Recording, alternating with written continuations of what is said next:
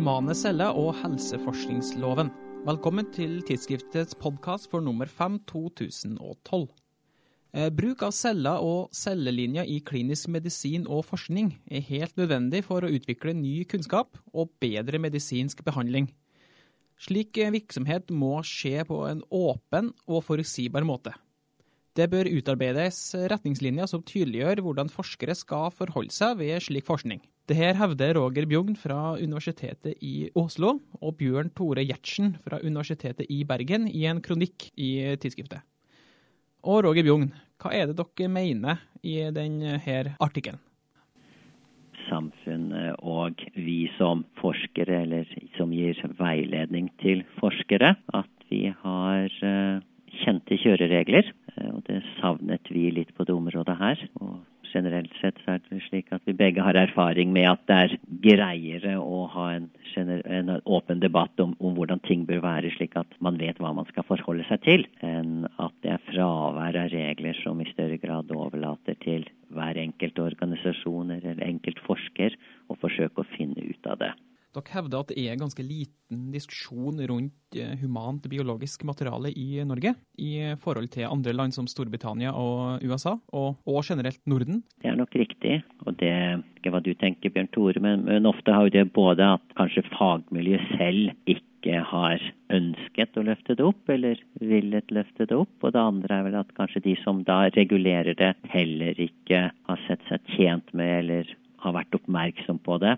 Ja, jeg, jeg tror kanskje det er det siste. Både fra forskernes side og fra de som lager forskrifter og regler. I, store land, sånn som USA, så, eh, så, har jo dette vært satt mer i system. Det er mye, mye, mer aktivitet på det, og det har også gitt en del presseoppslag, sågar rettssaker da egentlig, som spinner ut av eh, usikkerhet eh, rundt hvordan man skal håndtere biologisk materiale som på en måte blir udødeliggjort for pasienter.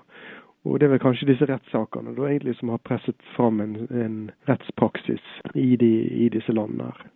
Roger Bjugn hevder videre at det kan stå på kulturforskjeller mellom skandinaviske land og land som USA. Eh, vi er jo vant til i Norge, kanskje Skandinavia, at, at det offentlige først tydeliggjør kjørereglene, og så forholder man seg til dem. Eh, men det er klart at hvis, hvis det offentlige kanskje ikke har spesielt fokus på det, eller sitter inne med kunnskap om en del av de utfordringene som er knyttet til det, så, så vil jo ikke det, de forvaltningsorgan eller andre som regulerer det, automatisk gå inn på det. At i et stort land hvor det er veldig mange aktører, så vil en del av sakene i kraft av seg selv, i sin nyvinning eller andre formål, tvinge fram standpunkter, eller ved utløse handlinger som tvinger fram at man, at man kommer opp med pragmatiske retningslinjer. Hvordan er praksisen i Norge i dag? Jeg tror vel praksisen er eh, at man ikke diskuterer det. Rekkene og kanskje nem har vel ikke helt eller har kanskje ikke tenkt ut hvordan man skal håndtere det, og er litt usikre på hva reglene bør være. Og har kanskje valgt å ikke gå og ikke etablere noen særskilt praktisk på det, eller å kikke spesielt på det. Så er det vel kanskje sånn at uh, ikke så mange av forskerne som jobber med det, har heller tvunget fram en reaksjon på det. Jeg vet ikke om det matcher opp med, med din erfaring, Bjørn Tore? Jo, altså det er ikke meg kjent at det er noen kommersielle produkter på en måte, for eksempel, som spinner ut av dette her. Men, men, det er jo en helt eh, Det har jo i mange, mange år vært kommersielt tilgjengelig humant cellemateriale av forskjellige eh, typer. Som da kjøpes helt åpent, på en måte. Og som har vært samlet inn da i en eller annen klinisk setting på et eller annet vis. Dette er jo ekstremt nyttige forskningsverktøy. Eh, alt fra de helt enkle cellelinjene som som er jo blitt berømte, da. Kanskje denne, her, denne boka og historien om Henrietta Lex som fikk uh, ovariekreft for Nei, hun fikk, fikk uh, mormunnskreft for 60 år siden. Helt til, til ferske, primær, det vi kaller primære celler som tas fra ferskt, friskt vev, og som man kan da kan bruke til sine forskningsprosjekter, levert fra en, en kommersiell leverandør.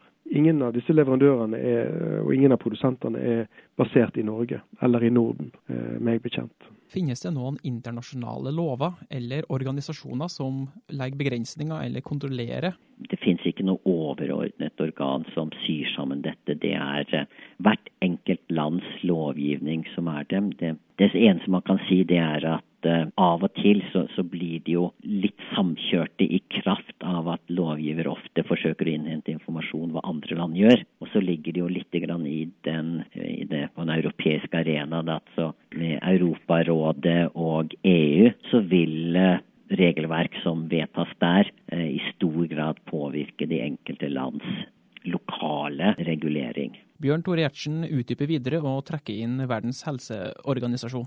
Altså det, når, det gjelder, når, det gjelder, organtransplantasjon, og, og da transplantasjon av celler og, og vev, så, så, er det jo et en eh, utarbeidet prinsipp rundt dette i regi av Verdens helseorganisasjon. Det, det er egentlig noe, noe annet enn en det vi Det er jo noe som, som, er en mer hva skal man si, en medisinsk applikasjon av cellene og cellematerialet, som, som er en fjern slektning til det problems, problemstillingen som vi definerer. Men i mye av det, det materialet som verdens, eller det, de prinsippene som Verdens helseorganisasjon har utarbeidet der, så viser man tilbake igjen til den nasjonale loven, på en måte. Og, og selvfølgelig at folk skal ha gitt uh, samtykke og sånt til å gi. Så, så, kanskje en sånn handel med human utsprung, uh, cellelinje og sånt, en gang vil bli regulert eller bli, bli anbefalt regulert gjennom Verdens helseorganisasjon med utspring av transplantasjonslovgivningen, hvor det selvfølgelig er flere eksempler på, på klare overtramp ikke sant, med salg av organer og sånt. Men det, det, er et ganske